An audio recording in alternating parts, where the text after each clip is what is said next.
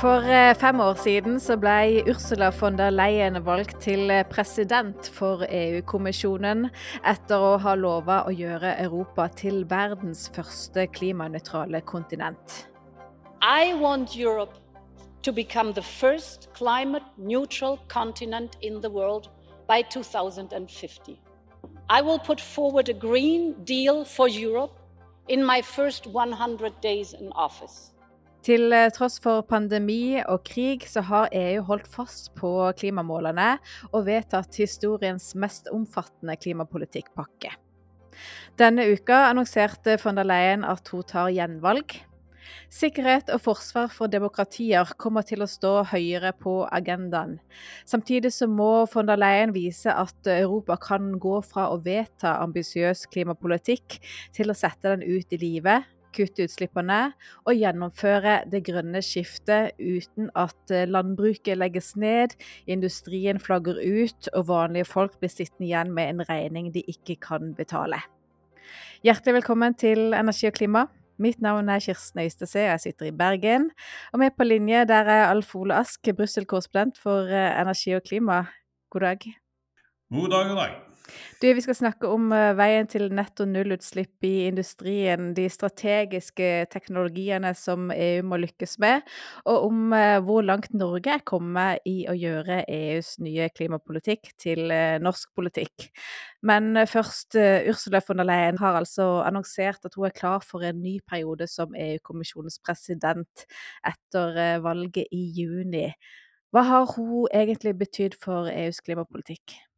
Eh, jeg tror at hun, eh, hun har betydd svært mye, for det var jo på mange måter hun som eh, satte disse kravene Eller parlamentet satte en del krav til henne som hun gikk med på å oppfylle for å bli president, og dette har hun stått ved i hele den femårsperioden som nå er i ferd med å ebbe ut. I tillegg til det så har hun hatt en veldig nær alliert Eh, i den politiske bulldoseren Frans Timmermans, som jo hoppet av eh, for bare noen måneder siden for å forsøke å bli statsminister i Nederland, noe det ser ut som han ikke lykkes med. Men, eh, men, det er klart at de to har på mange måter Eh, hun som kristeligdemokrat, eh, konservativ politiker, han som en eh, sentrumsorientert sosialdemokrat, har på mange måter vært de som har drevet det grønne skiftet fra kommisjonens side. Mm.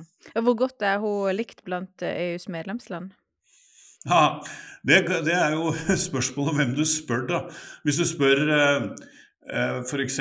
Viktor Orban i Ungarn, så, så, er hun et hår i suppa. Snakker du med en del andre, f.eks. dansker og svenskene som allerede har rykket ut og sagt at de kommer til å støtte henne, og sånne, så, så er hun eh, ganske populær. Men det er klart, hun har vært en eh, tøff dame. Eh, hun har vært en jernhånd, og hun har i perioder på, i ulike områder ertet på seg en del av medlemslandene. Men hun har hatt en fantastisk evne til å komme ned på beina. Men vi husker f.eks. rett etter dette terrorangrepet fra Hamas mot Israel, hvor hun hadde en litt sånn alenegang på utenrikspolitikken i Midtøsten, som ikke ble tatt nådig opp i en del medlemsland. Men eh, hun har eh, som sagt eh, kommet ned på beina og, og klart å, å, roe ned den kritikken som da har vært mot henne. Mm. Men når hun nå annonserer at hun tar eh, gjenvalg, hvem utfordrer hun? Det er, det er, vel egentlig ingen reelle utfordrere til, eh, til, henne. Nå vil jo noe av dette avgjøres av valget til Europaparlamentet, men det europeiske folkepartiet, EPP, som eh, kommer til å nominere henne eh, som sin kandidat i, eh, nå i mars, de, de, ligger an til å bli det største partiet, og blir da den som utpeker kommisjonspresidentkandidaten, som da må skaffe seg et flertall i eh, parlamentet, og hun må også innstilles fra, fra medlemslandet. Det er en slags dobbelt prosess uh, her. Uh, det har vært noen altså uh, Sosialdemokratene kommer til å stille selvfølgelig opp med en person de regner med skal, skal kunne å, å melde seg på her, men det er ingenting som tyder på at de blir store nok.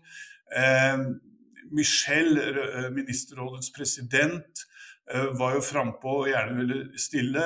Han har trukket sin kandidatur. Så jeg tror ikke det er noen særlig tydelige alternativer til von der Leyen, slik det ser ut akkurat nå. Mm. Så med mindre det blir et skrell for EPP i valget i juni, så kan vi få fem nye år med Ursula von der Leyen? Ja, og slik det ser ut når det gjelder medlemslandene, så tror jeg man kan gå ut ifra det. Jeg tror ikke du får store oddsen på å tippe det. Nei. Du, I forrige EU-podkast snakka vi jo om bøndene og de protestene som vi har sett over Europa. I dag skal vi snakke litt mer om bekymringene som både er i og for industrien i Europa. For når EU skal kutte utslippene til netto null, så trenger de å lykkes med strategiske teknologier. Det trengs bl.a. mer solenergi, det trengs mer vindkraft, mer batterier, men også teknologier som er mindre modne, som hydrogen og karbonfangst og -lagring, karbonfangst og -bruk, og direkte fangst av karbon fra luft. Og I fjor så la Kommisjonen frem Net Zero Industry Act med forslag til tiltak og ny politikk. Og nå i februar så ble Europaparlamentet og rådet, altså medlemslandene, enige om innholdet i den. Si litt om hva bakgrunnen er for at denne ble lagt frem, og hva den inneholder. Hovedårsaken til at det ble lagt fram, er jo at EU ser at man vedtar en grønn politikk i Europa, og så stikker for så vidt kineserne av med, med hadde nær sagt kremen på kaka. fordi det er, de som leverer f.eks. vindmøllene, varmepumper, solcellene osv. Så, så det EU da ønsker, er å få en push, slik at de i større grad kan produsere den delen av teknologiene, produktene, som skal stå for det grønne skiftet i Europa. De har satt seg noen djerve mål om, om, markedsandeler i så måte, og det er derfor dette heter Net Zero Industry Act, fordi det da altså skal gjøre at man i større grad produserer vindmøller, solcellepaneler, varmepumper og slike ting i, i Europa. I tillegg så har man da pekt ut en del teknologiområder som er viktige. Den listen er blitt veldig, veldig lang. Og der har f.eks. vannkraften fått sin plass, noe som, som, de store norske kraftselskapene anført av Statkraft og deres allierte rundt omkring i Europa har ønsket. Der har også atomkraften fått sin, sin, sitt lille hjørne. Så, så, der har man liksom listet opp disse teknologiene som da kommisjonen vil peke på for å kunne nå det, det, grønne skiftet. Og her er selvfølgelig også karbonfangst og -lagring og karbonfangst og -bruk eh, viktig. Mm. Så et uh, hovedpoeng er jo da både å få mer europeisk produksjon av uh, diverse råvarer og, og, større del av verdikjeden, men også er jo et poeng her å få til raskere behandling, raskere konsesjonsbehandling og raskere godkjenning av uh, grønne industriprosjekter. Absolutt. Eh, det er en eh, viktig del av det. Og man så jo nå nylig at det kom nye tall for utbyggingen av vindkraft. Eh, hvor man da satte en rekord i utbyggingen av vindkraft med noe sånt som 17 megawatt. Det er selvfølgelig bra, men det er bare litt over halvparten av det man trenger i årlig ny vindkraft for å nå fornybarmålet. Det viktige er jo bl.a. å få ned behandlingstiden på utbygginger både av sol, sol og vind. Fordi eh, dette tar altfor lang tid i, i, en del områder. Så har man forsøkt å peke ut da områder hvor dette kan gjøres veldig raskt. F.eks. på industriområder, eh, store parkeringsanlegg eh, osv. som man kan bruke til sol. For, rett og slett for å, for å få ned uh, denne behandlingstiden og få opp uh, kraftproduksjonen. Men dette er jo veldig raskt kontroversielt, da, fordi uh, når man beveger seg utenfor denne type områder, så vil man jo da fort havne inn i spørsmålet om forholdet til natur. Og det er jo ikke alle som vil ha en del av disse anleggene tett innpå der de bor osv. Så, videre. så Så det er, eh, dette er eh, kontroversielt. Mm, kontroversielt, og det er også vanskelig å få til. En annen ting som eh, ligger inne i denne Net Zero Industry Act, som også ser ut som kan bli vanskelig, det er jo dette med å få nok lagringsplass til CO2. For der har EU satt et mål om at de skal ha plass til hva er det, 50 millioner tonn CO2 lagringskapasitet innen 2030? Det er riktig. Det er, det er uh, målet som EU har. Uh, og uh, hvis du ser på de anleggene som er under planlegging eller satt i, i, i, verk, så vil EU etter de beregningene som er gjort, nå 35 millioner tonn. Og så har de da i denne Net Zero Act, og dette rammer jo da Norge og Island, sagt at EØS-landene eh, e eh, kan være en del av disse 50 millionene eh, først når de har innarbeidet denne Net Zero Act, denne loven, i EØS-avtalen. Det legger jo et betydelig press på EFTA-landene, fordi dersom norske og islandske lagre ikke kommer med i denne ordningen, så vil, de, så vil, de, da på en måte heller ikke være en del av de støtteordningene som, som EU e nå legger opp til for, for CO2-lagring. Så eh, det her er på en måte litt sånn tvega sverd. De legger et press på oss for å få oss til å få dette inn i EØS-avtalen, samtidig som de jo ser at de har behov for den norske lagringsplassen for å nå eh, sine mål. Mm. Hvor god tid har vi da på oss for å, for å godkjenne hele, hele pakka? Ja, burde vært, Vi burde ha godkjent den i går, for å, si det, for å si det sånn. Nei, det er klart. Eh, hvis du ser på kalenderen, eh, Kirsten, så er, skriver det 2024 nå, og det er veldig få år igjen til 2030, eh, og det tar sin tid å utvikle denne type prosjekter. Så her har man svært, svært dårlig tid. Så hører det jo med til, til historien da, at EU jo nå har lansert en eh, CCS, eller karbonfangst- og lagringsstrategi og eh, de har også eh, snakket om målene eh, fram til 2040. Hvor man da skal Kommisjonen ønsker, eller har foreslått, at man skal ha et kutt på 90 inn da. Fra 2030 til 2040 så eh, slår kommisjonen fast med bred penn at da trenger de all den eh, lagringsplassen de kan oppdrive rundt omkring i Europa for, kar for karbon. Eh, og understreker ikke minst at det, det som da finnes i EØS-landene kommer til å bli veldig viktig.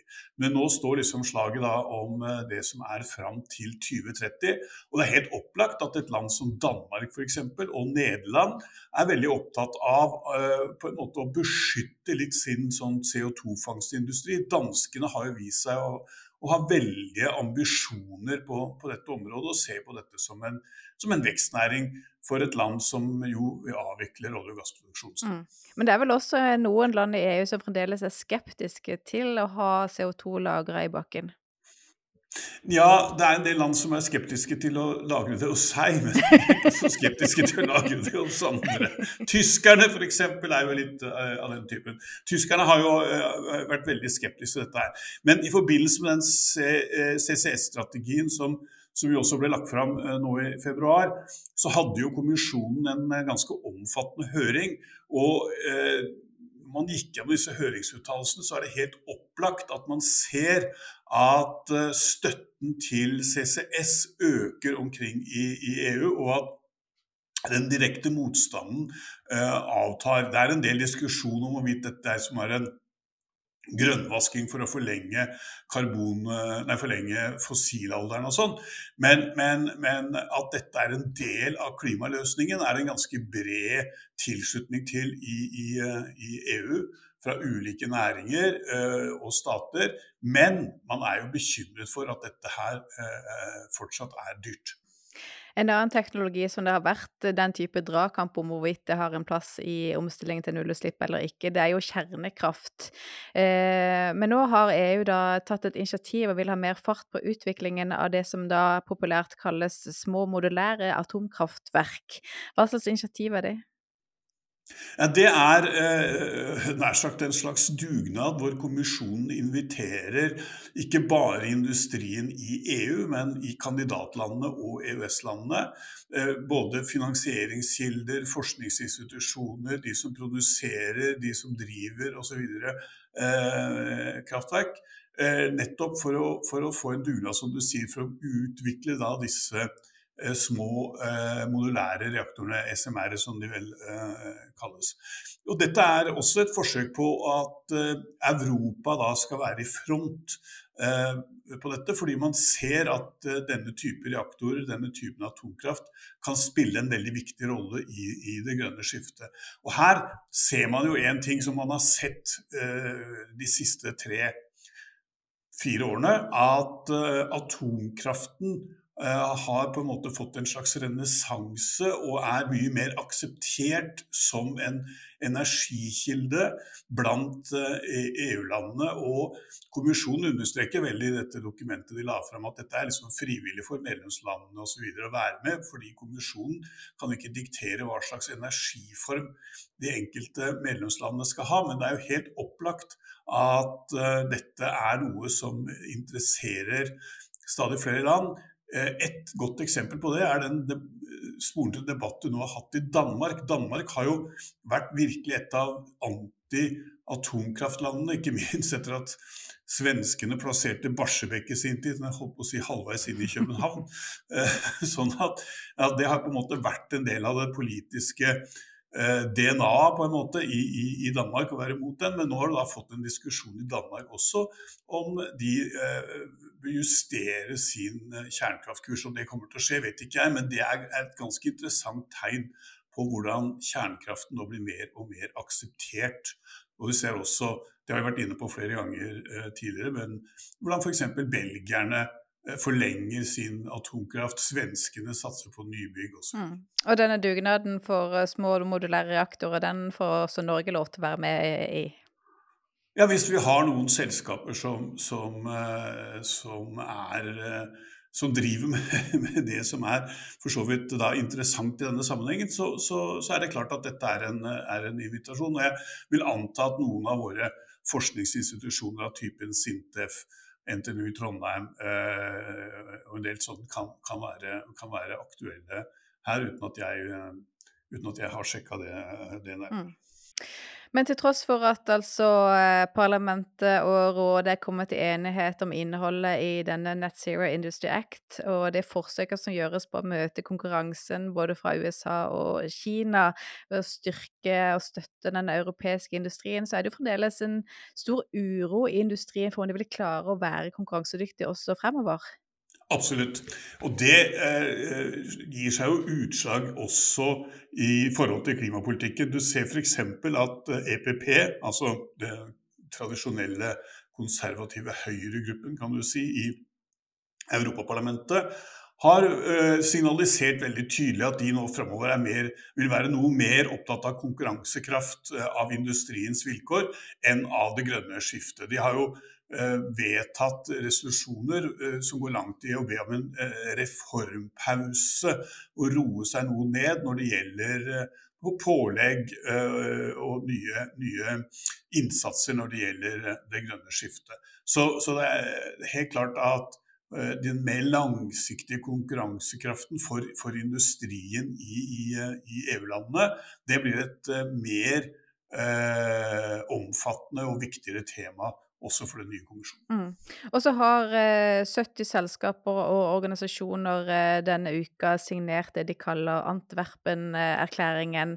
der de ber om at eh, eh på samme måte som EUs grønne giv var øverst på agendaen i den parlamentsperioden som vi snart er i ferd med å avslutte, så må en satsing på industrien få den samme plassen i neste periode.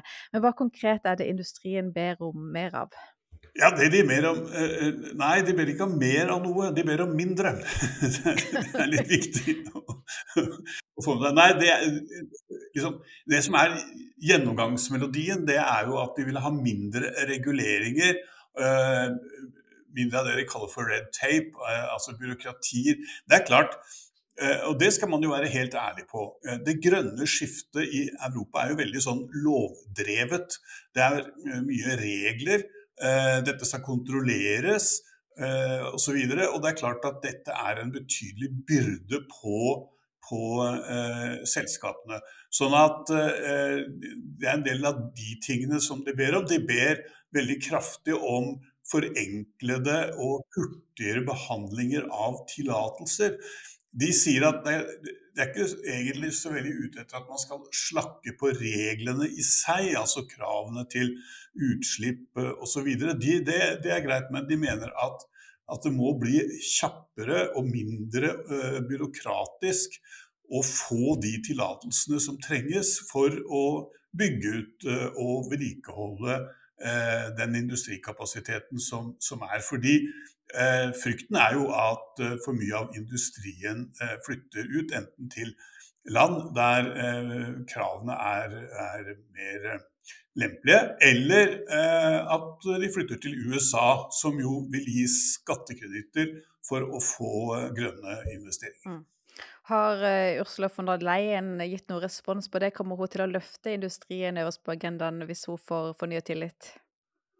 Ja, Det er jo litt sånn uh, spennende å se liksom hvilket, uh, hvilken fot hun kommer til å, å liksom legge, legge, tyngden på. da. Men vi har jo sett uh, nå helt på slutten av denne kommisjonsperioden at f.eks. industrien har lobbet kraftig for at kommisjonen ikke skal legge fram nye regler når det gjelder en del sånn kjemikalieforurensninger og sånn. og Det har de da utsatt. Eh, og eh, man har jo også sett i forhold til disse landbruksprotestene og en del andre ting, at eh, hun har justert kursen lite grann. Sånn, at hun er absolutt lydhør for, for disse, disse, protestene. Og i tillegg til det så har jo Sefcovic, som nå har overtatt det grønne skiftet, innledet en sånn rundebordskonferanse med næringslivet om eh, disse, eh, disse, temaene. Den svenske regjeringen under sin formannskap f.eks. For var veldig opptatt av den langsiktige konkurransekraften til, til, EU. Så det er helt opplagt at dette her er temaer som kommer høyere opp på dagsordenen, og som selvfølgelig da gjør det ikke mindre komplisert å få til, kanskje, det grønne skiftet. Og så eh, to ord om Norges forhold til EU. For mye av det som kommer fra EU, både på energi- og klimafeltet, det blir jo innlemma i norsk politikk en eller annen gang. Det kan ta tid, men, men det kommer som regel. Eh, og her hjemme så raska jo regjeringen på for at skipsfarten skulle være med i kvotemarkedet fra nyttår. Men hva skjer egentlig med resten av alt som nå ligger under EUs grønne giv og hele politikkpakka Fit for 55 og også denne Net Zero Industry Act? Nei, det er et, er et uh, godt, spør godt, spørsmål. Uh, regjeringen holder kortene veldig tett til brystet. Vi vet at man driver og vurderer denne karbontollen, CBAM-en, denne avgiften som man skal betale på import av sement, stål, jern, aluminium, kunstgjødsel, hydrogen uh, og sånn. og som er, EU har satt i gang sånn prøveordning med, og som skal tre i kraft om vel et år. der vurdere Norge det. Du har hele denne LULUSUF, altså eh, når det gjelder karbon eh, CO2-opptak i, i, i, land og, og, og, og skogbruk. Eh, alle disse eh, Du har hele ikke-kvotepliktig sektor osv. osv. Det fins store eh, ting som ligger i pipeline her, og som, som, Norge nå må ta stilling til ganske, ganske kjapt. Eh, hvordan dette her går, det holder regjeringen som sagt kortene tett eh, til, til, brystet. Og vi vet jo ikke noe annet enn at de sier at, eh, at det skal komme. Eh, og det som også er trøblete, da, i tillegg til alle disse direktivene som kommer i Fit for 55 og, og, og, og denne pakken som skal kutte utslipp fram til 2030, det er jo at Norge henger etter med denne såkalte vinterpakken, eller ren energipakke, der hvor denne utvidelsen av ACER eh, ligger. Det er jo eh, åtte EU-lover til sammen. Der driver man også med forhandlinger og samtaler med kommisjonen eh, om hvordan man skal håndtere dette. Og kommisjonen er ganske eh, utålmodig eh, og engstelig for at eh, EØS-landene skal henge etter, fordi at dette grønne skiftet regulerer jo det indre markedet. Eh, og det er nå i underkant av 500 direktiver som ligger i kø. Eh, mange av de er ikke så veldig viktige, men eh, finans og energi, spesielt energi, er et område som kommisjonen stadig vekk eh, peker på at Norge henger etter. Mm. Men Har de gitt oss noen frister? Nei, det er ikke sånn det helt fungerer. Da. Du vet at Det eldste direktivet som ikke er, er eh, innlemmet i, i EØS-avtalen var jo ferdig i 2003, så det er jo feira 20-årsjubileum i køen. Og det handler om, det handler om eh, sånn genmanipulering. Eh, i matproduksjon. Og nå har jo EU kommet med et helt nytt direktiv som, som også omhandler eh, det samme, som er en del av, av EØS-avtalen. Eh, sånn at eh, Ofte så er det jo slik at disse, noen av disse direktivene blir liggende så lenge at de nesten går ut på dato, eller det kommer revideringer av dem før de er innlemmet i EØS-avtalen. Og det gjør jo ikke EU mindre sur, for å si det litt uh, forsiktig. Okay. Vi får uh, komme tilbake til det når, vi, når regjeringen ikke holder kortene like tett til brystet. Um, ja, da tror jeg vi skal vente lenge. ja, men bra. Uh, var det det vi skulle gjennom i dag? Jeg tror vi, vi kanskje har uh, vært igjennom det. Uh, det vi ikke har snakket noe særlig om, er jo det som dundrer og går for så vidt i Norge nå, nemlig forholdet mellom klima og natur. og vi ser her nede på kontinentet ulike utslag av det. Jeg har jo akkurat nå vært i Frankrike og lest lokalaviser. og, og Der kan man jo da rapportere om at uh, en ganske fornem uh, virkning av klimaendringene er jo at trøffelproduksjonen er, uh, rammes kraftig av klimaendringene. sånn at prisen på trøfler går nå dramatisk opp. Så, så det er ikke det at det, det, det, sprer seg og får bedre vekstvilkår, men det er det motsatte? Det er det motsatte fordi det blir for tørt, leste jeg her nå. så så jeg mener eh, klimaendringene har eh, den, eh, den virkningen at den rammer både fattig og rik, for å si det, si det på den måten. Ja. Det, det, det, er jo synd. Altså, jeg må si jeg er glad i trøfler, så, så, jeg vil si det er synd. Men det er klart det, det er en luksusvare, så det er kanskje ikke den verste Eller det vi kan gråte mest over av, endringer, og klimaendringene og konsekvensene av det. Nei, men det er klart at for disse produsentene så har, denne, har dette vært en, en viktig eh, attåtnæring, helt opplagt. Eh, og eh, liksom så, så, så, sånn sett Og godt betalt, de kiloene de Ja, det, jeg mener jeg så noe sånt om at en kilo trøffel lå, var blitt omsatt for 11 000 euro. Det, det, det det hjelper på det hvis du finner en kilo, for å si det sånn. ja, men bra. Du, da sier jeg takk for praten, eh, Alf Olask, og så kommer vi tilbake med ny EU-podkast om ikke så lenge. Det skal vi gjøre. Takk skal du ha. Fint. Takk til eh, du som hører på Energi og klima. Hvis du ikke allerede abonnerer, så gjør gjerne det. Da vil du få eh, neste episode automatisk opp i spillelista di når den er publisert. Takk for i dag.